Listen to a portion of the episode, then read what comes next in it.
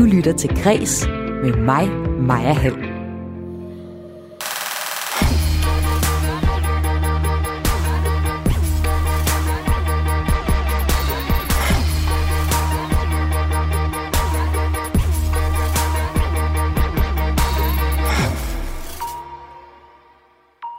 Danmark går glip af en masse skattekroner ved ikke at investere i spilindustrien.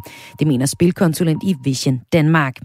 Her i Græs, der får jeg også besøg af dokumentarist Michael Graversen, der i morgen udgiver en fotobog med billeder fra den nedbrændte Moria-lejr på årsdagen for, at den største flygtningelejr i Europa brændte. Vi to vi skal tale om, hvordan han arbejdede med at tage fotos af udsatte mennesker på flugt.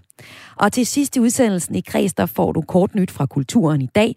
Og så skal vi tale om, hvorfor forfatteren Sally Rooney har særlig klassikerpotentiale. Altså hendes publikum, det er særligt unge kvinder. Men øh, jeg får besøg af en hvid mand på 61 år. Det er politikens litteraturredaktør, og han er begejstret for bogen. Mit navn er Maja Hall. Velkommen til Kreds.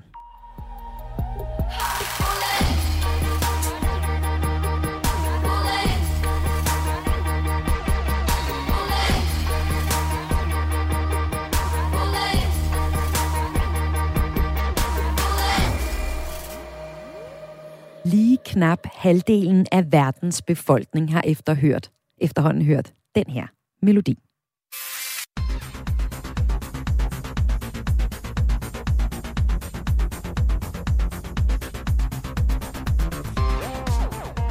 Med over 3 milliarder downloads tilhører den nemlig verdens mest downloadede mobilspil. Det hedder Subway Surfers, og øh, det spil, det er faktisk dansk. Og det betyder også, at Cybro Games, som står bag spillet, skraber en masse penge hjem til Danmark. Men selvom vi i det hele taget er rigtig gode til spil herhjemme i, i Danmark til at udvikle og eksportere spil, så er det ikke noget, vores politikere sætter særlig mange penge af til at udvikle. Og det betyder, at vi går glip af en masse skattekroner fra ens eksportindtægter. Indtægter hedder det. Det mener du, Jesper Krog Christiansen, spilkonsulent i Vision Danmark. Velkommen til dig. Tak for det. Og Vision Danmark er en slags brancheorganisation for den digitale visuelle industri. Og øh, Jesper Krog, du er så en af dem, der har fingrene helt nede i, hvad skal vi sige, spilindustridejen herhjemme. Ja, lad os kalde det det. Ja, skal vi ikke sige det. Har politikerne sovet i timen i forhold til eksportpotentialet på det her område? Uh, ja, det er det korte svar i hvert fald. Uh, det er jo, øh, vi kan jo se, hvis vi sammenligner med andre kreative erhverv, så er det sådan, at spilbranchen har en meget høj andel af eksportindtægter. Så de genererer faktisk en meget stor eksport i forhold til deres, øh, deres omsætning. Så man kan sige, hvis det er noget, man gerne vil have mere af fra en eller anden, for man kan sige sådan en, en samfundsmæssig synsvinkel, jamen så er spil et rigtig godt sted at starte. Ja, man vil jo altid gerne have lidt flere penge, tænker jeg. Men hvordan er det sådan helt konkret, at Danmark kan tjene flere penge på spilindustrien, end vi allerede gør? Jamen det, øh, det mener vi i Vision Danmark i hvert fald, at at øh, man måske skulle kigge på, hvordan, øh, hvordan sikrer man, at der også er en kommercielt orienteret støtte. Øhm, fordi man kan sige, der er, der er en eksisterende øh, spillestøtteordning, den er ret lille, men den ligger under Filminstituttet, men det er en kulturstøtte. Det vil sige, så kigger man på, at det her er noget, som har en stor kulturel værdi, at det er et stort værk, vi kan, vi kan hjælpe med at bringe til verden her, men der mangler måske noget tilsvarende i forhold til, øh, øh, i, i forhold til mere kommercielt orienterede produkter, hvor man tidligere havde en, en investeringsordning, der hed, der hed Capnova, som ligesom om den er væk nu. Øh, den blev afviklet for, hvad er det, øh, 3-4 år siden. Øh, og så er der ligesom ikke kommet noget andet i stedet, som er spilspecifikt. Og det betyder, at der er ikke rigtig noget sted at gå hen, hvis du ligesom har et, et kommercielt levedygtigt øh, produkt, fordi at der heller ikke er særlig mange private øh, spilinvestorer i Danmark. Så er det først, når du er så stor, så du bliver begyndt at blive relevant for udlandet, at du kan gå derud og hente dine penge. Og ja, nu ser du, at de ligger sammen med film. Ifølge filmaftalen fra 19 til 23, så er der 560 millioner kroner årligt til film, og 10 millioner kroner årligt til udvikling af digitale spil. Og det til trods for, at spilindustrien er en industri, som øh, vækster, særligt siden corona. En rapport fra revisionshuset PwC anslår, at spilindustrien vil vækste knap 6% om året frem til 2025. Så der er ikke nogen, altså, der er ikke nogen tvivl om, at der er, der er penge at hente her. Øhm, hvorfor, hvorfor tror du, at der er så få støttekroner til spilindustrien sammenlignet med for eksempel øh, film? Øh, jamen, jeg tror, det er fordi, at, at spil har en, har en ret lav øh, kulturpolitisk profil, i Danmark i hvert fald. Man kan sige, at der er andre lande omkring os, øh, især Sverige og Finland, hvor man, øh, og faktisk også efterhånden i Tyskland og Polen, hvor man tager spil meget alvorligt. Øh, men det gør man ikke i så høj grad øh, i, i Danmark. Øh, og det er måske fordi, at øh, jamen, altså, der, er ikke, der er ikke i samme grad sådan en, en opmærksomhed omkring det. Der er ikke sådan en, en agenda, en fortløbende agenda, som der ofte er på, på andre kulturområder, hvor man ligesom jamen, film og teater, billedkunst eller noget. Der er, en, der er en masse, der blander sig i en eller anden debat, en løbende debat, og også stiller en, øh, spørgsmål og ligesom afkræver, øh, at man for, som politiker er nødt til at have en holdning til det her, hvis du i hvert fald er aktiv inde på det kulturpolitiske område. Og det er ikke sket i samme grad med, med spil, Øh, måske også fordi, at man fra spilbranchen selv orienterer sig meget internationalt. Så fordi at man ligesom fra start, allerede fra start af, så er du orienteret mod et internationalt marked, så siger man ligesom, jamen, vi, vi kigger ikke så meget på Danmark, vi kigger på udlandet i stedet for. Ja, altså, hvis vi så kigger på de penge, der bliver... Nu trækker du så nogle af lande her omkring øh, Danmark ind i, øh, i, i samtalen her og siger, at jamen, der bliver der egentlig givet nogle støttekroner til spilindustrien, så den kan udvikle sig. Men sammenlignet med mange andre lande, kan man jo også argumentere for, at Danmark ligger over sin egen vægtklasse i forhold til manglende strategi og støtte. Altså, hvis jeg nu var politiker, så kunne jeg måske godt finde på at tænke, at det måske ikke lige er noget, jeg behøver at have en holdning til, eller sætte en hel masse penge af til, fordi spilbranchen klarer sig jo faktisk rigtig godt selv. Hvad tænker du om det standpunkt? Øh, to ting. Et, det er, at øh, jeg synes jo, at man er nødt til også at have øh, en holdning til spil som kultur, kulturpolitiker. Ikke kun på grund af pengene, men også fordi, at det er et af de mest anvendte kulturmedier, især blandt unge. Hvis vi kigger på de seneste tal fra DR Medieforskning, så er det sådan, at den gennemsnitlige dansker bruger mere tid på digitale spil, end de bruger for eksempel på trygte medier. Så alene ud fra det, så bliver, må man sige, jamen bør man ikke have en, en holdning til et, et kulturmedie, der er så øh, dominerende i befolkningen generelt.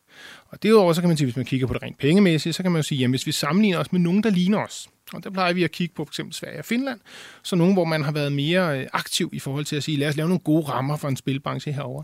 Jamen de har en spilbranche, som, som er måske 10 gange så stor som den danske. Men det er jo bare i forhold til størrelsen. Altså, er der også noget med, hvad der skal udvikles inden for spilbranchen, der kunne være interessant for en politiker at blande sig i?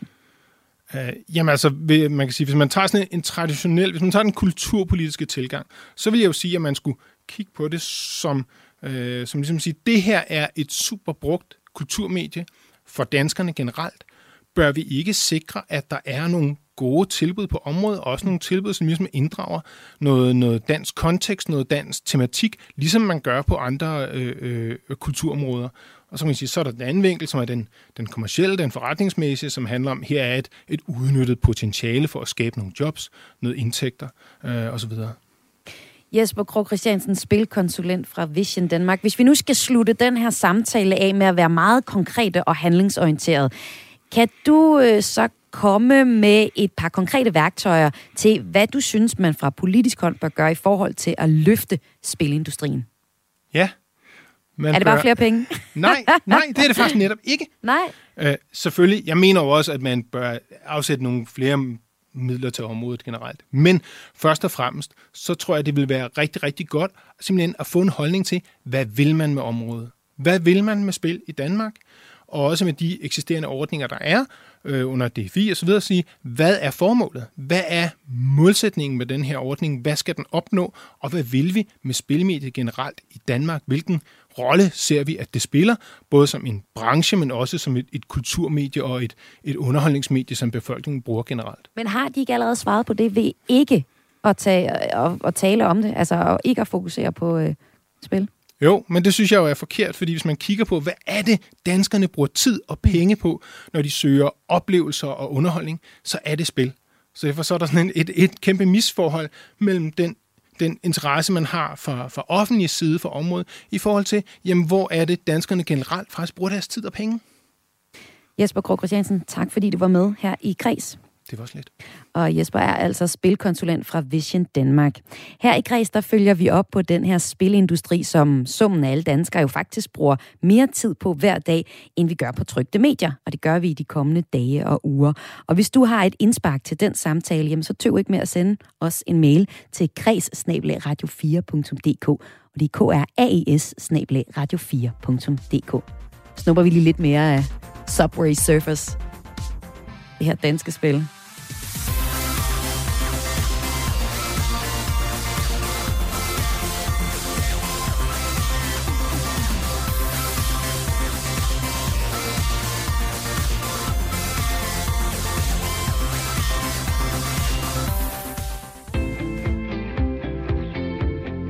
Du lytter til Græs med mig, Maja Hall. Blæktage står skæve og ret ensomme, uden nogen vægge sådan ligesom til at holde deres gejst. Tagene er faktisk lidt det eneste, jeg sådan rigtig kan se, hvad er, udover bakkerne, der sådan poetisk bølger bag ved den her nedbragte, nedbrændte by med øh, en slags lave, tørre træer, dem er man altid finder i de solrige lande som Grækenland. Billedet er både trist, og det er også ret smukt. Men det er også et meget privat billede af nogens hjem, og det er også et politisk billede, for det er ikke hvem som helst hjem. Billedet, jeg beskriver her, er fra Michael Graversens nye fotobog med øh, Moria in Memoriam, der udkommer i morgen, hvor det er præcis et år siden, at den største flygtningelejr i Europa, Moria-lejren, som lå på Lesbos i Grækenland, brændte ned. I løbet af en nat, der blev lejren lagt i aske, og omkring 12.600 mennesker, som boede i lejren, blev sendt på flugt endnu en gang.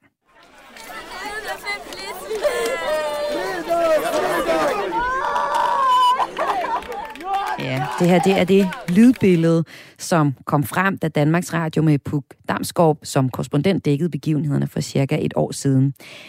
Men også øh, dokumentarinstruktør Michael Graversen befandt sig midt i det kaos, den lejr blev til, og i morgen på årsdagen for branden, der udgiver han fotobogen Moria in Memoriam. Og nu kan jeg sige velkommen til dig, Michael Graversen. Velkommen til Kres.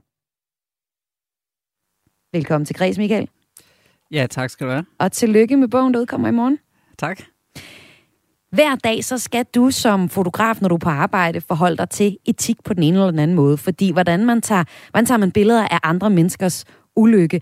Michael, det skal vi to tale om, men først så kunne jeg godt tænke mig, at, at vi præsenterer din nye bog for lytterne. Det er jo en fotobog, men det er også en bog med tekst, og mm. øh, du har taget billederne efter branden, som brød ud altså for et år siden. Michael, først og fremmest, hvor var du, da branden brød ud? Jamen, på det tidspunkt var jeg faktisk øh, tilbage i, i Danmark. Øh, jeg sad øh, en aften, og så begyndte jeg at tikke ind med beskeder fra, vi har jo mange sådan, venner og bekendte i, i lejren, eller havde på det tidspunkt, da de boede i lejren. Og, øh, og så skrev de jo, at der var brand, og det var sådan set ikke noget nyt. Altså nu har jeg besøgt lejren de sidste fem år, og der har løbende været sådan mindre brænde i lejren, så det tænkte jeg sådan set, det var det samme. Men, øh, men der kom flere og flere øh, beskeder ind, og videoer og så videre, og til sidst så fandt jeg ud af, at det her, det var jo meget mere omfattende end det. Og så sad jeg sådan set hele natten og snakkede med folk, og, og prøvede sådan at, at følge med, og så bookede jeg en øh, flybillet dagen efter for, for at tage derned. Og, øh, og det, der mødte mig dernede, var jo ren kaos. Altså. Hvor, hvorfor vidste du, at du skulle ned med dit kamera? Jamen, det var fordi, at jeg jo, øh, har, har besøgt lejren igennem, ja, igennem fem år, hvor jeg har dokumenteret forskellige ting, og har jeg har også ydet noget nødhjælp, men, men i forhold til at, at tage billeder, så, øh, jamen, så, så, så kunne jeg ikke, hvad skal man sige, nogle gange så kan man jo mærke, når der er nogen, en, en historisk begivenhed eller noget, der ligesom er, er så vigtigt, at man bare bliver nødt til at tage afsted med det samme, og det, det var det her. Og flygtninge er et gennemgående motiv i dit arbejde, og du viser jo så egentlig de mennesker og, og de steder, som nyhedsmedierne, kan man sige, de her gule breaking-bjælker, handler om. Altså, du gør det mere konkret for os, fordi nogle gange hører vi jo bare i tal, at så så mange mennesker er flygtet. Og det har du øh, gjort med Memorialejren, siden du besøgte den første gang i 2016. Det er sådan, at i 15 og 16, der blev lejren på øh, Lesbos, der ligger tæt på Tyrkiet, Tyrkiets kyst, et samlingspunkt for flygtninge og migranter, som forsøgte at komme til Europa. Og der boede alt for mange i den lejr. Der var plads til, hvad er det, sådan noget, 2-3.000? Og ja, der var... Ja, inde i selve hoved, hovedlejren var ja. der omkring 3, plads til 3.000, ja. Og så var der jo bare folk, der boede både ja, inde i hovedlejren og udenom, og det var et kaos. Ja. Og så blev det jo så endnu mere et kaos. Altså, vi havde allerede da Morialejren ligesom begyndte at flyde over, kan man sige, med mennesker, jamen så havde vi hørt at nødhjælpsorganisationer flere gange kritisere leveforholdene i lejren. Altså, der var ikke mad, der var ikke vand, der var ikke noget som helst. Hvad er det så for et syn, der møder dig, da du besøger lejren for et år siden, da lejren var brændt på to dage? Jamen, det var jo sådan set uh, en, endnu, endnu uh, hvad skal man sige, en, uh, et kaos uh, i, i forhold til tidligere, da jeg, da jeg ligesom havde besøgt lejren, så var det sådan et, en, øh, en humanitær krise på nogle områder øh, i forhold til, som du også beskriver, de her leveforhold, som var, som var kummerlige. Men, øh, men da lejren ligesom brænder, så er der omkring 13.000 mennesker, der med et ligesom bliver hjemløse. Der er ikke nogen sikkerhed, der er ikke nogen mad og, og så videre. Og på det tidspunkt var der jo omkring en 5-6.000 børn.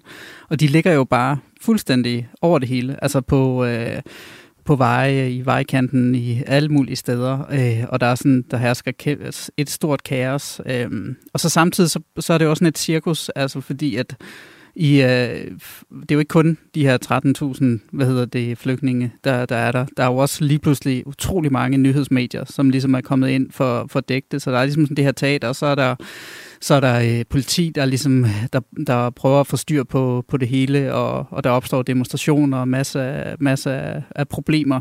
Og tilbage så står der den her øh, lejr, som er fuldstændig brændt ned, hvor sidste gang jeg besøgte den, inden det, der var der omkring 20.000 mennesker, der boede i lejren. Og nu den, der, på det tidspunkt var den så fuldstændig brændt ned, og sådan et, det var ligesom at træde ind i sådan et post-apokalyptisk øh, univers. Mm. Altså. Ja, og så ser du, du står, du står hernede med dit kamera, og øh, man sige, for at skære det helt øh, sort-hvidt op, på den ene side, der ligger der simpelthen børn i vejkanten, siger du. Altså, der er virkelig menneskeskæbner, som helt tydeligt er overalt og du peger så dit kamera et helt andet sted hen. Fordi mange af de fotos af flygtninge, som vi, vi kender, det er, jo, jamen, det er jo netop mennesker. For eksempel pigen på den danske motorvej 15, der leger med den danske politibetjent, og vi har senest set fotografierne af mennesker i Kabuls øh, lufthavn, og mennesker, der falder fra flyet, som de kravler op på, har klamret sig til. Altså menneskeskæbner. Men du peger kameraet væk fra menneskene, og så viser du os den ødelagte lejr, stort set uden mennesker, i uh, Moria in Memoriam, som er din fotobog, der udkommer i morgen. Hvorfor?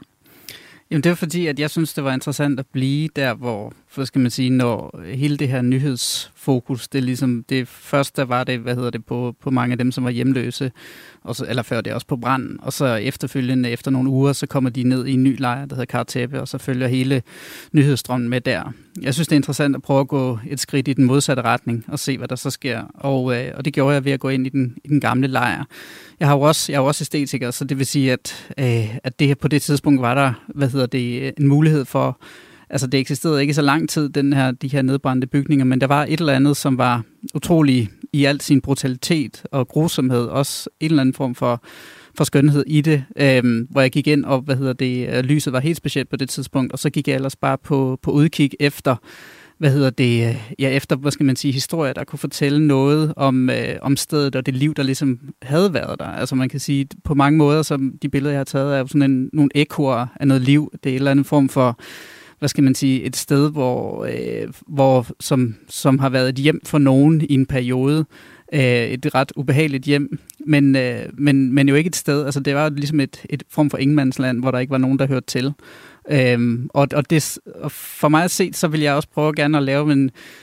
Øh, altså, prøve at behandle det sådan, så det var, blev mere universelt og mere historisk, øh, frem for øh, den enkelte skæbne. Så det vil sige, at jeg gik rundt og, og tog billeder af de her forladte steder, og nogle af de ting, som, uh, som var blevet efterladt, en kuffert, en bamse og andre forskellige ting, som ligesom fortalte en historie om, om noget af, det, noget af det levede liv, der var der. Og så giver jeg også ligesom folk mulighed for, fordi jeg er ikke så interesseret i at fortælle nødvendigvis en faktuel historie med mine billeder, men, men mere også at skabe en æstetisk, øh, følelsesmæssig øh, historie hos folk, hvor de også ligesom selv kan få lov til at investere noget af sig selv og, og, øh, og sin egen fantasi i forhold, til, i forhold til de her steder. Og så kan man sige, så har jeg så suppleret mange af billederne med noget tekst, hvor det, øh, hvor det så til gengæld kommer nogle mere personlige historier. Blandt andet har jeg en, en dagbog fra en, øh, en, en pige, en ung pige, der hedder Tifa, som, som, øh, som boede i lejren.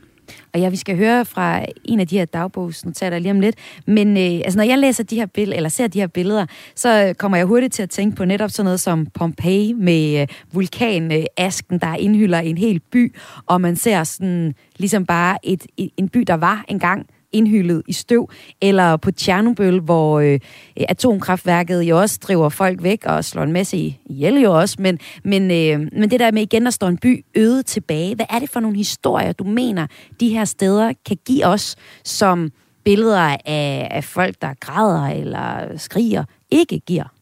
Jamen, jeg tror, at det kan give en større mulighed for refleksion og følelsesmæssig øh, engagement, som ikke kun går på den her sådan umiddelbare, hvad, hvad skal man sige, forarvelse, ja. øh, som på en eller anden måde kan skabe en lidt en, en dybere refleksion hos folk. Altså, øh, om, om man kan sige, øh, jeg synes, at det er en god referencepunkter, fordi det er jo de her efterladte steder, som jeg synes, som, som jeg synes er interessant, fordi at de, der er også en eller anden form for brutalitetspoesi over det, kan man sige. Øh, som, som, som jeg synes, øh, altså, også, altså, hvor I, ja, med far for at gentage mig selv, altså, jeg synes, at det her, det er jo også et ret historisk sted, ligesom Tjernobyl og andre, andre steder. Altså, man kan sige, mor og jeg har på mange måder jo er jo på mange måder symbolet på, øh, på det svigt, som EU ligesom har haft, eller i hvert fald det, de manglende hvad hedder det, samarbejde, der har været i EU. Øh, EU bygger jo på mange måder på fællesskab og menneskerettigheder osv., og, og samtidig så har vi haft et mor, hvor der har boet så mange mennesker under så kummerlige forhold, øh, synes jeg på en eller anden måde jo også er, er et symbol på, hvordan vi ikke har kunne, på en menneskelig plan har kunne finde ud af at håndtere den flygtningekrise, der har været siden 15 og 16. Ja, man må jo sige, at Moria-lejren er sådan en politisk suppe af følelser, og jo også et vildt etisk svært sted at tage billeder, og det skal vi tale om øh, lige om et øjeblik, for jeg kunne godt tænke mig at høre dig om, hvordan du netop arbejder med det, og om det også kan være en af grundene til, at du ikke har så mange mennesker med, men mere har, har stedet med. Men, men først, lad os lige prøve at dykke ned i noget af det tekst, der også er i bogen. Fordi øh, det var egentlig først meningen, at bogen bare skulle stå, bestå af billeder, men du endte med at have personlige beretninger med øh, fra forskellige mennesker, som du har mødt i lejren på tekst. Hvorfor har du gjort det? Jamen, det er simpelthen øh, en, øh, noget, der er opstået undervejs, sådan helt organisk, kan man sige. Fordi mm. at mange af dem, jeg talte med, som jeg fortalte om det her projekt, og jeg fortalte om at vise billeder til osv., de havde også et behov for at fortælle deres historie. Og så snakkede jeg med nogle af dem og, og, og, om, hvordan det ligesom kunne blive en del af det. Det var dels folk, der havde arbejdet i lejren. Altså, der er også nogle øjenvidenberetninger fra, fra nogle af dem, som arbejder i lejren, men, men især for dem, som har boet i lejren. Øh, og, og, der, og der synes jeg, at, at det fungerede rigtig godt at kunne få lov til at, at skrive nogle af de historier på tekst. Øh, der sætter man jo stadigvæk gang i en eller anden form for øh, altså, øh, hvad skal man sige, en eller anden form for selvreflektion også. Øh, og Atifas øh, dagbog her, som hun har skrevet, synes jeg er vigtig, fordi at hun jo på samtidig, lidt, selvom at det her det er et ret, altså på mange måder et utroligt frygteligt sted, og billederne jo også øh, Øh, giver, øh, spejler det, og, øh, og man kan sige, at hendes historie også på mange måder spejler det, så er der jo en utrolig styrke i, at der er en ung kvinde fra Afghanistan på 18, og så også på Varne på 19, som, øh, som, som har siddet inde i teltet, når familien er, øh, har, har lagt sig til at sove, og har tændt et lys, og har siddet og skrevet dagbord, eller skrevet digte til, øh, hvad skal man sige, med et, med et behov og et ønske om at formidle nogle historier og nogle, nogle følelser og nogle stemninger omkring, omkring, hvordan de har det det sted der. Sådan så at, øh, ja, altså man kan sige, for mig er det også vigtigt, at det ikke kun bliver mit blik øh, på, hvad hedder det, på Moria, men også, at, det, at de også får en stemme.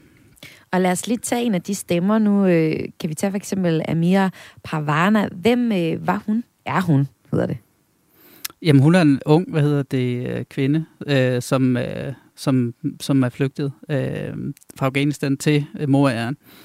Og på mange måder jo sådan øh, repræsentativ for mange af de mm. øh, piger, jeg har mødt dernede. Altså, øh, nogle af dem, øh, hvad skal man sige, eller mange af dem har, er ret ressourcestærke og er, stærke, altså er, er nogle, nogle stærke mennesker, der på en eller anden måde jo har en, en ret stærk overlevelseskraft. Det skal man jo også have, når man ligesom ligesom kræver sin ret til at være i verden ved også at, at formidle og udtrykke sig. Øhm, men, men jeg møder jo også nogle af de her piger, som, som, øh, øh, som jo har forskanset sig i deres telte, og som ikke er gået udenfor i, i 3-4 måneder, fordi at de er bange for at blive overfaldet. Fordi at det er jo også det er jo den anden side af, af sagen, det er, at at selvom at, de er så ressourcestærke og så videre, så er det jo også et, et sted, hvor det er utrolig svært at være pige og, og kvinde, fordi at der er så meget, hvad hedder det, øh, der, altså det, det, det var et, et, et lovløst sted, altså hvor, øh, hvor der ikke var noget politi til stede, hvor der var bander, der havde, hvor der var masser af, af, af løbende overfald og, og voldtægter og, og, og så videre, så det var jo det, et, på den måde også et frygteligt sted. Og lad os øh, lige prøve at læse lidt op fra bogen, hvor øh, altså Amira Parvana her fortæller, jeg læser op i lejrene. Vi er begrænset og slået til jorden. Indestængte og uden håb. Langsomt begraves vi i græske lejre sommerlette telt. Om sommeren er vi som i helvede, om vinteren sover vi frysende i mudder, overladte til kulden og vinden, og vor egen nøgenhed under disse laser hvor lejende børns fødder forsvinder i spildevand og slam, og selvom vi er i nær ved, og selvom vi er nær ved at kvæles i dunsten fra de tusinder halvkvalte sjæle, piger med linkende stemmer og vaksomme øjne, bundet til telte med ansigter hvide af angst, som for iblandt ulve frygter de tabte af det, de endnu har tilbage det inderste inde, ukrænkelighed og en eneste ære. Hvor længe endnu? Hvor længe skal smerten mon vare? Se på de sårbare småbørn. Vil krigen vare for evigt i disse lejre, hvor vi lever med ufred, uden rest af værdighed, fratage vores ære og uden nogens respekt? Her, evigheder fra vor kære.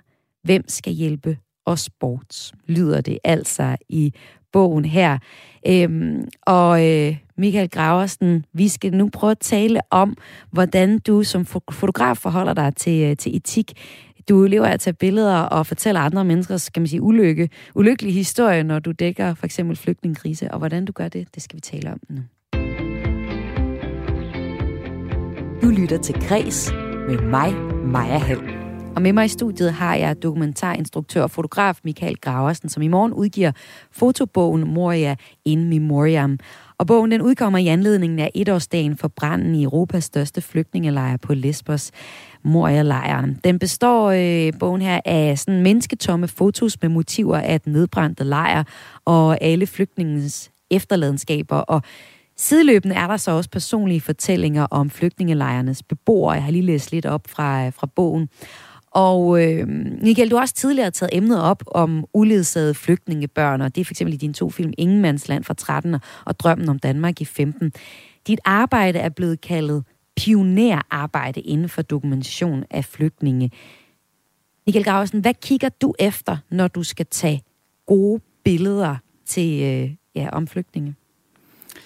Uh, ja, det er virkelig et godt spørgsmål. Altså man kan sige, det øh, for mig at se, så Øh, så, så er jeg sådan igennem årene ligesom rykket mig fra det der, som vi har snakket om lidt tidligere, det der sådan lidt umiddelbare, hvad hedder det, at man har lyst til at, at dokumentere en eller anden form for tragedie lige i det øjeblik, den øh, udspiller sig helt op i ansigterne på folk osv., som, som jeg jo ser mange nyhedsfotografer gøre i sådan en, i sådan en humanitær krise, som for eksempel mor er. Øhm, når jeg for eksempel laver, laver filmer, som jeg også filmer selv, jamen, så bruger jeg ret meget tid i de miljøer, øh, jeg skildrer, og de steder, jeg skildrer, og bruger tid på at skabe nogle relationer, hvor, øh, hvor, hvor det er vigtigt med en eller anden form for gensidig respekt, sådan så at i det øjeblik, at jeg går ind og dokumenterer noget, der er svært, eller øh, noget, der, hvad skal man sige, folk, der har det svært, jamen så ved jeg, at de er okay med det, og jeg ved, at de ligesom kender mine motiver for at gøre det, og de stoler på mig. Fordi meget langt hen ad vejen handler det jo også om menneskelig, en menneskelig relation, øh, en eller anden form for tillid mellem to mennesker.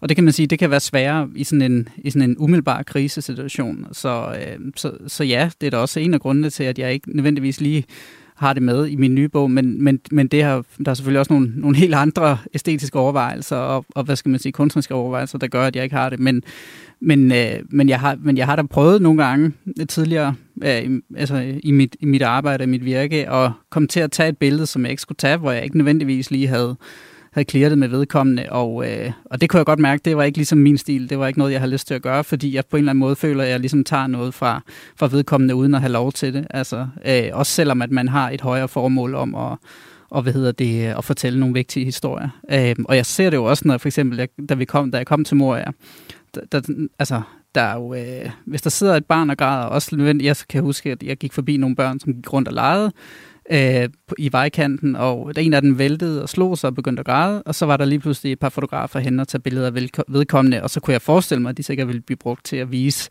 hvor frygtelige de her forhold nu var, og de er jo frygtelige. Men, men, øh, men hvad hedder det? Men, men man, man skal virkelig være bevidst om sin, sin metode, synes jeg, når man er, når man er sådan nogle steder. Okay, hvordan arbejder du med e-, etik, når du tager billeder? Altså, hvordan adskiller dit arbejde sig fra en, en nyhedsfotografs? Jamen det er jo, at, som jeg siger, altså, at der også er et stort relationsarbejde involveret i det. Altså at jeg bruger meget tid sammen med dem, som jeg dokumenterer, jeg, sådan, så de forstår mit projekt, og jeg forstår dem, og at uh, der opstår en eller anden form for relation. Det vil altid være en, u, u, hvad skal man sige, uh, øh, i relation, fordi at jeg jo altid kan tage hjem igen, for eksempel fra, fra mor eller andre flygtningelejre, eller, øh, eller andre situationer, hvor jeg har, hvor jeg har dokumenteret flygtningen. Men, men jeg tror, det er meget vigtigt med det der relationsarbejde, og med den gensidige tillid i det i hvert fald. Og så kan det godt være, at man nogle gange kan få lov til at tage nogle billeder også af nogen, der virkelig, øh, virkelig lider. Men man kan vel også nogle gange komme til at blive ret gode venner med dem, man tager billeder af? Fordi det lyder jo på mig som om, at øh, du taler en del med de øh, mennesker, øh, du øh, tager billeder af, eller de steder, hvor, øh, hvor de øh, bor, de mennesker her. Øh, har du nogensinde oplevet, at, at du øh, har hvad skal man sige, spændt ben for dit eget arbejde? Ja, det har jeg. Øh, det, det har mere været min dokumentarfilm, hvor jeg for eksempel har på et tidspunkt så fulgte jeg nogle øh, afghanske drenge, som var blevet afvist i Danmark, som gik under jorden og rejste videre ned igennem Europa. Og øh, der fulgte jeg blandt andet en dreng, som hed Shafi, som jeg havde kendt øh, fra et øh, børneasylcenter i, i Danmark. Og, øh, og han kom til Italien, hvor han endte med at blive hjemløs og måtte bo på gaden, og jeg begyndte at hjælpe ham med penge, fordi at jeg nu havde kendt ham i et års tid, og, og hans situation var uholdbar. Men samtidig så kan man sige, så hvad hedder det, i det, at jeg ligesom hjalp ham med penge, og han fandt et sted at bo og så videre, jamen så var det jo lige pludselig en anden situation. Altså så kan man sige, så, så fik jeg ikke ligesom skildret den, den historie, som var repræsentativ for rigtig mange øh, drenge, øh, som, som var i hans situation, fordi jeg gik ind og hjalp ham. Men, men det er sådan en balancegang, fordi omvendt synes jeg jo også, at man har et menneskeligt ansvar, når man ligesom bruger lang tid med folk. Øh, men, men det er også, hvad skal man sige, det, er også, det kommer også meget an på den enkelte relation, fordi at det er svært ligesom at sige noget sådan, altså når man taler etik, så, taler, så er det jo også meget ofte sådan, man prøver på en eller anden måde også at kunne lave nogle, ja, eller i hvert fald mm, mm, kan det også godt nogle gange blive sådan lidt generaliserende, øh, og, og, og der synes jeg, at, jeg, at, at når jeg ligesom er ude i virkeligheden, der møder jeg utrolig mange forskellige mennesker og forskellige typer mennesker, og nogen kan håndtere, at man hjælper den. Øh, nogen kan også håndtere og når jeg siger håndtere, så også forstå på den måde, at hvis, hvis jeg for eksempel nogle gange har hjulpet nogen, jamen, så kan det være, at det ligesom har ødelagt noget i, at de begynder lige pludselig at agere anderledes, end hvad de ellers ville have gjort, eller begynder at, og hvad hedder det, øh, og, altså for, nu har jeg et, et konkret eksempel, at for eksempel i, i Moria var jeg nede af, hvad hedder det, øh, og hjælpe en, øh, øh, øh, da jeg var dernede, så hjalp jeg en, en, en ældre flygtning, som, øh, som, hvad hedder det, øh, som efterfølgende var blevet så skadet i branden, at han, hvad hedder det, øh, at han blev stofmisbruger.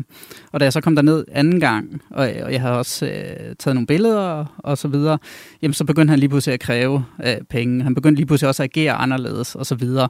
Og jeg vidste jo godt, at de her penge, de ville gå til stofmisbrug. Og der blev jeg ligesom nødt til at sige, nej, men det går ikke. Og så ligesom droppe billederne og droppe og droppe det. Øh, så, så det er sådan... Øh, det, det, det er virkelig øh, svært farvand nogle gange, hvis det er, at man også ligesom bevæger sig over, ikke kun at dokumentere, men også vælger at, at prøve at hjælpe. Og, øh, og jeg synes jo som sagt også, at man har et menneske, menneskeligt ansvar, men der findes også forskellige måder at gøre det på. For eksempel, da jeg lavede Drømmen om Danmark, jamen så øh, fulgte jeg en afghansk dreng, øh, øh, som som jeg fulgte igennem tre år, og efterfølgende, så hvad hedder det, da filmen var færdig, så lavede vi en crowdfunding-kampagne, hvor vi samlede omkring 70-80.000 ind til ham, så han kunne få, han kunne lege sig ind på sådan et, et lokalt pizzeria i Italien, hvor han kunne, hvor han kunne ar- få noget arbejde sammen med en kammerat. Så man kan sige, der skildrede jeg hans tilværelse inden det som hjemløs, og så hjalp jeg ham så, når, øh, når filmen var færdig. Men altså, jeg havde da også samtidig dårlig samvittighed undervejs, så det er virkelig, det er virkelig øh, øh, en balancegang og, og svært, øh, og svært farvand nogle gange. Men Michael Graversen, nu lyder det som om, du prøver virkelig at arbejde med etikken på den måde, at du prøver at tage billederne, og så bagefter gøre noget, som du kom med eksemplet her. Men synes du egentlig, det er forkert, den måde, som nyhedsfotograferne øh, tager billeder på, for eksempel i Moria-lejren? Altså med eksemplet, du kom med helt fra starten med, at, at et barn falder, der bliver taget et billede, eller i hvert fald den her med, at, at de tjener penge på nogle menneskers ulykke. Jeg tror, det er sådan...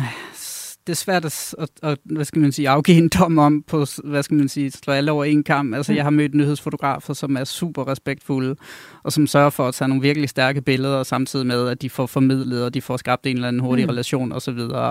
Men, men jeg har også set det modsat. Jeg har også set nogen, som jeg tror efterhånden har gjort det her så tilpas mange gange, at de er blevet så kyniske, så de bare tager nogle hurtige billeder, og så er de ude igen. Altså, og det synes jeg jo er, er, er problematisk. Altså. Men, og så vil de jo nok også sige om, at det kan være problematisk, det du gør, at du får så stærk en relation Bestemt. til, at du påvirker virkeligheden.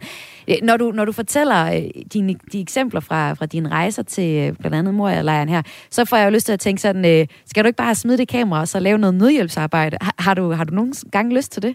Ja, ja men jeg gør faktisk også. Ja. jeg har, da, da Moria-lejren brændte, så samlede jeg omkring 300.000 ind i, i nødhjælp, som jeg også distribuerede ud, altså som via nogle af alle de små græsrådsorganisationer, som jeg kender dernede. Så man kan sige, det behøver ikke nogle gange at være enten eller, man kan faktisk godt gøre begge dele, og det var også blandt folk, som jeg ikke nødvendigvis var interesseret i at dokumentere. Altså, så, øhm, så man kan godt gøre begge dele også. Og hvis øh, man skulle være i tvivl om, om, øh, om flygtningekrisen betyder meget for, for dig, så kan jeg fortælle, at, at bare for at tage billeder, for eksempel til Moria in Memoriam, den fotobog, der udkommer i morgen fra, fra din hånd af, jamen så udsætter du også dig selv for fare. Hvordan har du gjort det? Altså man kan sige, det er jo ikke sådan en, en krigszone, hvor man ligesom løber rundt med kugler flyvende over, og rundt omkring sig, men, men nogle gange så kan man jo godt havne i nogle situationer, som, som, som er farfulde, og især i Moria-lejren, dengang den var, var det jo efter mørkets frembrud ret farligt at gå rundt i lejren, fordi der ikke var noget politi, og fordi at man risikerede at blive overfaldet. Og på et tidspunkt, da den brændte ned lejren, så hang jeg ud sammen med... Øh, øh, en kollega, der hedder Florian Elabdi, i en, øh, blandt nogle af dem, som var blevet i den nedbrændte lejr. Nogle syre, som havde siddet i resten. Og, øh, og der kommer der på et tidspunkt en, en vi sidder en 6-7 stykker, så kommer der lige pludselig en, en, en person hen, som, øh, som, hvor stemningen ændrer sig fuldstændig. Så viser det sig, at, øh, at han er organsmugler og har siddet, øh, hvad hedder det, øh, har siddet i arresten i, øh, i Tyrkiet, men øh, de har så besluttet på et tidspunkt at løslade nogle af de allerfarligste fanger og simpelthen skifte dem over til, øh, til Lesbos. Øh, det er nogle gange sådan nogle ting, man, man ser i forhold til øh, det her pres, der nogle gange er for Tyrkiet i forhold til, til Europa. Så han var, han var ligesom fået sådan et, øh, et fripas der, og så, øh, og så, så lige pludselig så stod han jo der og var var super aggressiv, og vi fandt ud af, at han ville, ville overfalde os, og selvfølgelig ville stjæle vores ting, men, men måske også gøre nogle værre ting end det. Og han var fuldstændig, altså han var helt væk. Øhm, og øh, det tog en to-tre timer med lange forhandlinger i forhold til, før vi fik lov, til at, fik lov til at gå, og heldigvis havde vi jo en god relation til de andre syre, som ligesom hjalp os til, til, at, kunne, øh, til at kunne stikke af og komme væk. Men, øh, men sådan nogle situationer kan man jo nogle gange øh, havne i, og det er altså... Og, og det er selvfølgelig ikke noget, man ligesom jeg går sådan og, og tænker over, øh, hvad hedder det, øh, altså, altså, skal man sige, jeg tænker, prøver alt, hvad jeg kan for at undgå sådan nogle situationer, men nogle gange, så, så havner man jo, så, så kan man ikke undgå det. Og du siger, du har gode relationer til nogle, I havde i det her øh, tilfælde gode relationer til de andre syre. Øhm, hvad, hvad, hvad siger folk egentlig til, at du kommer og, og tager deres billeder? Jamen, de syre der for eksempel, de var meget skeptiske mm. over for, for, altså de sagde stort set nej til alle, der kom. Men vi brugte en del tid sammen med dem, og ligesom gik ind på deres præmisser, og øh, respekterede dem, kom, altså rent kulturelt, kom med gaver, altså kom med mad, og sådan, ikke kun fordi de havde brug for det, men også sådan, øh, øh, hvad skal man sige, øh, respektfuldhed og, og så videre. Og på den måde, så, ligesom, så brugte jeg jo, vi brugte lange dage med dem, og så videre. Og så til sidst, så var der nogle af dem, der ligesom åbnede op, og gav lov til, at, øh, at jeg måtte tage nogle billeder af dem. Og, og der er faktisk også et af dem, som er kommet med i bogen. Så der er lige lidt billeder af mennesker i bogen. Der er lige et enkelt ja, eller ja. to, ja.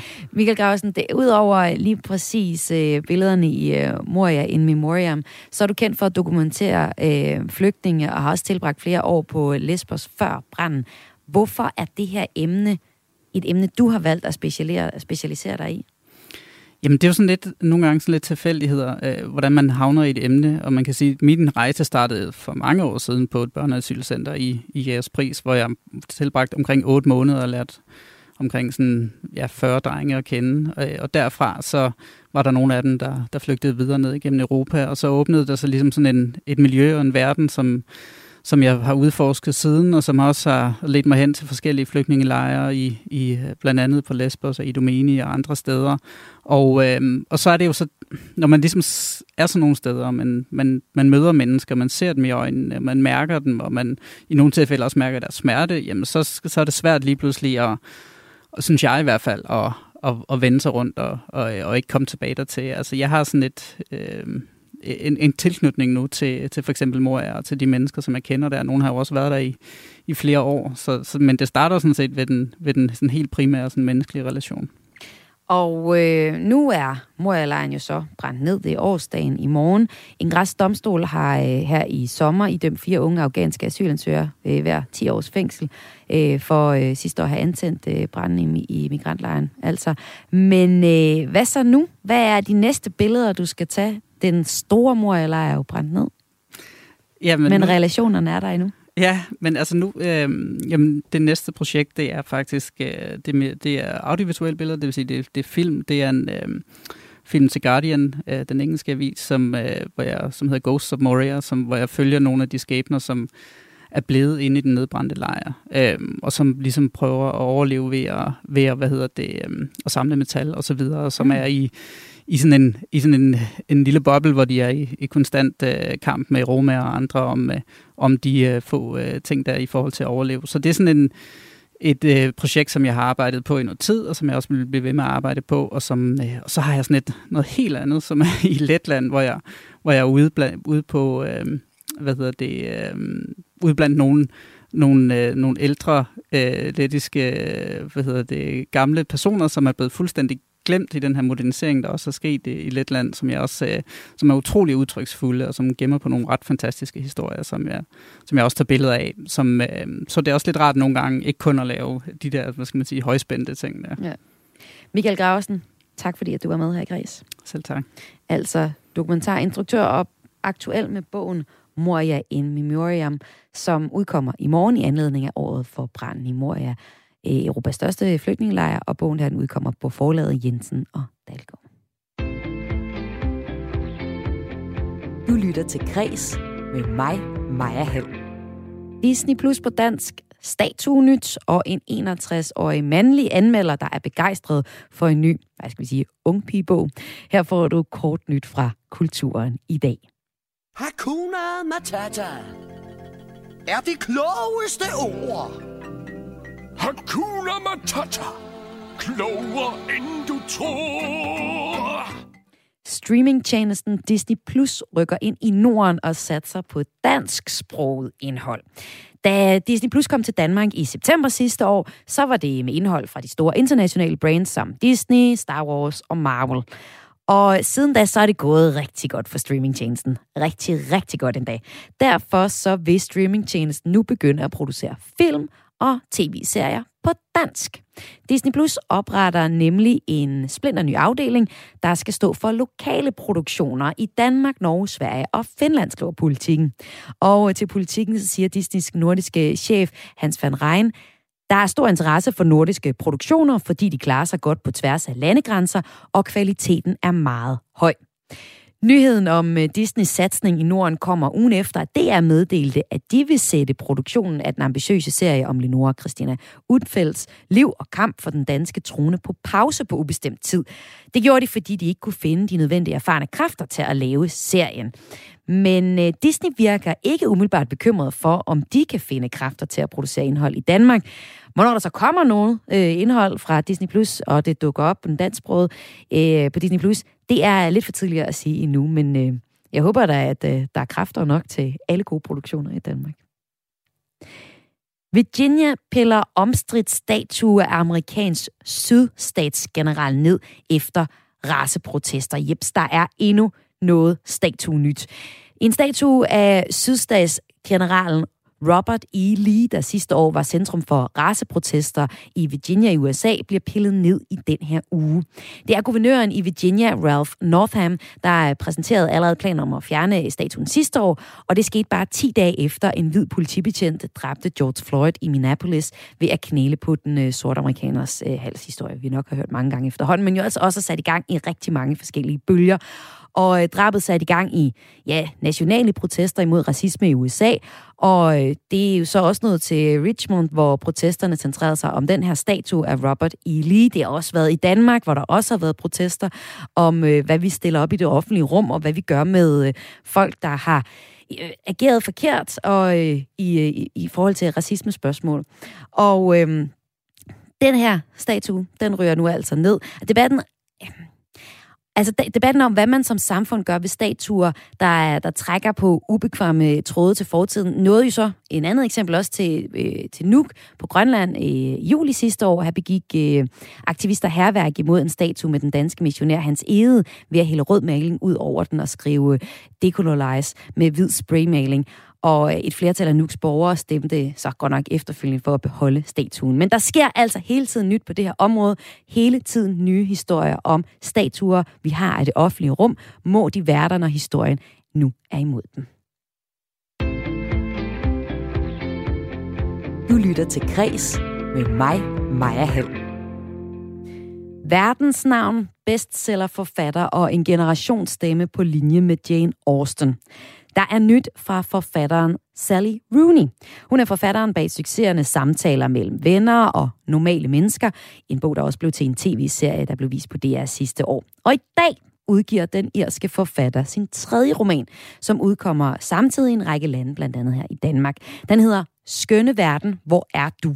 Og øh, det er en længe ventet bog, fordi Sally Rooney er blevet meget, meget populær. Og rigtig populær blandt unge kvinder. Bøgerne handler tit om ungdomsintriger, om sex. Nogle har kaldt hendes litteratur sådan lidt for chicklit eller young adult. Men øh, der er også ældre, mandlige læsere. Og en af dem, det er dig, Jes Stein Pedersen. Velkommen til. Tak skal du have, Maja. Du er 61 år, og du er litteraturredaktør på Politiken, og øh, du mener, at Sally Rooney's bog, den seneste her, lever op til kriterien for øh, rigtig gode romaner. Hvordan gør den det? Ja, det gør den både i forhold til det, den handler om, og så den måde, den er skrevet. Jeg synes, Sally Rooney i den her tredje roman når et nyt litterært niveau. Hun er i stand til at lade en kvinde, en ung pige, ligge oppe i et sovekammer, dybt frustreret, og nede fra køkkenet hører hun lydene fra sine venner. Hun hører også andre lyde i huset. Hun tager sine hårnåle ud af håret. Hun strammer knorene. Man følger det nærmest filmisk. Og til sidst så kan hun ikke blive liggende længere. Hun må ned til de andre. Hun må ned og være en del af samværet. Og sådan en lille scene, det lyder jo ikke af noget, men den måde, Sally Rooney kan skrive om alle de følelser, der løber igennem den her kvinde, det er bare sådan et eksempel på, at hun løfter beskrivelsen af hverdagsoplevelser til et, et nyt niveau, synes jeg. Og øh, i den her bog, I Skønne Verden, hvor er du, som den hedder, er karaktererne blevet lidt ældre end i de forrige romaner. De er sådan i slutningen af 20'erne og i begyndelsen af 30'erne. Og øh, kort om bogen, det er, altså, det er fire venner. Det er Alice, Simon, Felix og Eileen, som fortællingen centrerer sig om. Og øh, der er stadig mange lange sexscener og indbydes intriger, som vi kender fra Sally Rooneys forfatterskab. Øh, da Sally Rooney udgav Normale Mennesker i 19, så gav, øh, gav du hende øh, seks hjerter og spåede, at hun ville få klassikerstatus. Men med den nye roman, der øh, får hun, formår hun så at tage sig selv til nye litterære højder. Altså, hvad er det, det nye litterære højdepunkt i den her bog? Jamen, det er øh, knyttet til formen. Det er den fortættede stemning, øh, hun er i stand til at, at, at, at formidle til mig som læser.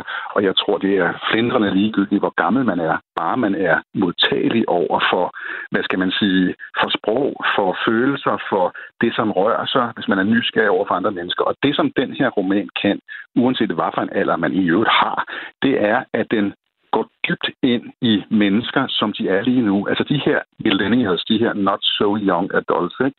de er omkring 30. En af dem er 35. Det biologiske ur tigger. Verden er usikker. Klimakrise. De to venner, de maler sammen om alt det, øh, der er galt i verden, samtidig med, at de prøver at få hverdagen til at gå, til at øh, også være øh, spændende rent erotisk og i forhold til andre ting. Og den måde, Sally Rooney skriver om det på, det er både ømt og fint og lige ud landevejen, og så også sådan ret sofistikeret.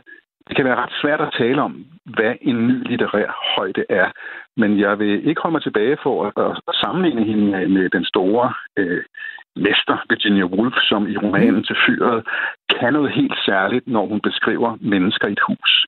Og det her med mennesker i et hus, som man altså som læser har lyst til at læse om, og som man næsten ikke kan lade være med at læse om, han formår Sette Rooney i den sidste tredjedel af den her roman. Og Jesper Pedersen, nu siger du så, at det alder betyder ikke noget. Øh, den her roman handler om, som du præcis siger, generation Y, som er sådan, øh, os, der er født fra sådan start 80'erne til slut 90'erne. Ja. Ja. Og øh, hovedvægten er på, er, er på de kvindelige karakterer i den her bog. Altså, hvad er det helt konkret, du som jeg beklager, midalderne mand, får ud af at læse Skønne Verden? Hvor er du? Jamen, det er nok øh, en fornemmelse for øh, det, der er på spil blandt yngre. Jeg har selv øh, sønner i den alder. Jeg øh, kommer ind på indersiden af de her personer. Jeg fornemmer den anstrengelse, de hele tiden udfolder for ligesom at få fat i det gode liv, for at klare, at de ved lidt for meget om verden. Altså, da jeg var yngre, jamen, der var måske en trussel om atomkrig, og den kunne man læse om i aviserne. Nu har de alle sammen rundt med mobiltelefoner og er fuldt oplyst om alt, hvad der sker alle vegne. Og man kan mærke også i den her bog, at hun har, Sally Rooney, en særlig og helt fantastisk evne til at lade øh, det digitale øh, inkognito-vinduer, hvor folk i skjul ser porno, øh, WhatsApp-meddelelser. Man kan følge sin kæreste på vej som en blå prik i den her taxa-app. Øh, man får beskeder hele tiden.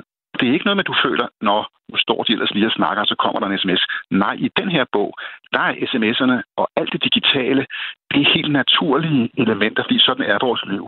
Og det synes jeg, at man kan læse om, uanset hvilken alder man har. Og så kan man jo måske også tænke over den måde, man måske selv stadigvæk hold dig nu fast, synes, at man, man, man har et indre ungt menneske i sig. Ja. Altså, der er jo et eller andet tidløst i, i alle mennesker, uanset hvad for en alder de har rent biologisk. Og jeg kan sagtens identificere mig med rigtig mange af de overvejelser, som de her altså ret kvikke mennesker i, i den her bog har. Ja, de er øh, nemlig det, ekstra kvikke. Det synes jeg altid er sådan en, en pointe ved Sal Rooney's bøger. De har et enormt godt øh, referencer. Altså, de kan virkelig referere til nogle, øh, nogle øh, både filosofer og tænkere og, og forfattere. Det er helt store øh, spektrer, de ja, har. Man skal, ligesom, øh, man skal ligesom altså også forholde sig i den her roman på, mm. at der er nogle lidt innoverende eller udfordrende kapitler, hvor de her to veninder, Eileen og Alice, mailer til hinanden. Og der skal jeg love for, at fremmedordene står i kø. Mm. Men det, der står på siderne, det de bruger fremmedordene til, det er det samme som vores tids, jeg vil ikke sige filosofer, men lad os bare sige sådan intellektuelle debatter. Det er det intellektuelle udvekslinger, de har. Og jeg kan godt lide, at man i en roman både kan læse om indsmigerne sjov telefonsex mellem Eileen og kæresten Simon, og så bagefter læse, hvad hun i øvrigt mener om øh, marxismens største fortolkningsproblemer. Og jeg tænker vel også, ja, og jeg tænker vel også, det er netop der, at hun løfter sig fra ikke bare at være young adult eller chicklet. Altså, der er nogle, hvad skal man sige, på... Øh, litteraturprofessor af sprog, nogle vitaminer i den her bog også. Ikke? Og så siger du også, at de skriver jo så øh, blandt andet om marxisme. Altså, vi kan ikke komme udenom, at Sally Rooney i den her tredje roman er blevet mere politisk, end hun har været i de tidlige, øh, tidligere bøger. Der er sådan et helt spor i romanen. Der er en mailkorrespondence, som du fortæller om her, mellem øh, veninderne af Alice og Eileen, der handler om alt fra ulighed mellem befolkningsgrupper til verdens overproduktion og forbrug. Og det står klart, at de er marxister, noget de ligesom fortæller om. Ja. Hvad, hvad og, mener du, det gør ved, øh, ved Rooney's forfatterskab, at hun giver sine karakterer så markant en, en politisk overbevisning nu? Jamen, sagen er så også den, at de kan sagtens være uenige, og jeg synes ikke, det fylder det hele. Der er ligesom, der er ligesom to spor i den her roman. Der er alt det, der handler om følelser, erotik, og hvordan unge mennesker i den der alder også prøver sig lidt frem med nye kærester. Alice har lige mødt lagerarbejderen Felix øh, på Tinder. Hun siger til ham efter, at du ved, få minutter, vil du ikke med til Rom? Jeg skal til litteraturfestival. Og den her lagerarbejder tager med og kigger målløst på den der mærkelige verden af, af litterater. Mm. Og Eileen, hun øh, prøver at få sin Simon, barndomskæresten, på krogen. Det, det er det ene spor. Og det andet spor, det du lige nævnte, Maja, det her med, med det politiske. Og der synes jeg, det er enormt fedt, at Sally Rooney ikke fremstår som sådan en frelst universitetsmarxist, som ligesom tænker meget øh, moraliserende. Mm. Det her, det er det modsatte af moralisme. Det her er det modsatte af den der tænkning, hvor man sådan bare rask væk inddeler folk i offergrupper og i undertrykkergrupper, og så forsvinder alle nuancerne. Det her er også i forhold til sex en påpegning af, hvor uregerligt det her med løsterne og begæret er. Ingen ønsker overgreb. Alle synes, mange synes, jeg synes, at MeToo er et kæmpe fremskridt. Men i den her roman peger man så alligevel samtidig på, altså det gør jo Sadie muligt, at det her med sex er et spil. Og det er jo gennemgående for Sally Rooney i øvrigt, at hun altid skal have en kvindefigur med, som ligesom siger til sin kæreste, kan du ikke lige sådan gøre med mig, hvad du har lyst til. Der er sådan et element af underkastelse i det. Så du har altså både nogle selvsikre akademikere, og så har du nogle begærsvæsener, som ligesom bare lade tingene ske, og helst på en bestemt måde måske. Og så har du øh, en ømhed og en, en, en indlevelse i, i øh, hvordan det egentlig er at være ung lige nu, hvor de jo altså faktisk mener, at man måske ikke skal sætte børn i verden, fordi altså står kloden stadigvæk ja. øh, om få generationer. Ikke? Jeg synes, det og... hele er, er rigtig, rigtig flot og sådan øh, smukt skrevet. Og Jesper Petersen, tak fordi du var med her i Græs. Tak fordi jeg måtte være med, Maja. Altså litteraturredaktør på Politiken, og var med til at fortælle om Sally Rooney's tredje roman, Skønne Verden, hvor er du, som kan købes i danske boghandlere fra i dag. Og det var alt fra Kres i dag. Du øh, kan høre Kres mere hver eneste dag fra 14 til 15. Programmet Kom i hus med hjælp fra Karoline Kær Hansen, Mathias Wissing og Christian Dolberg.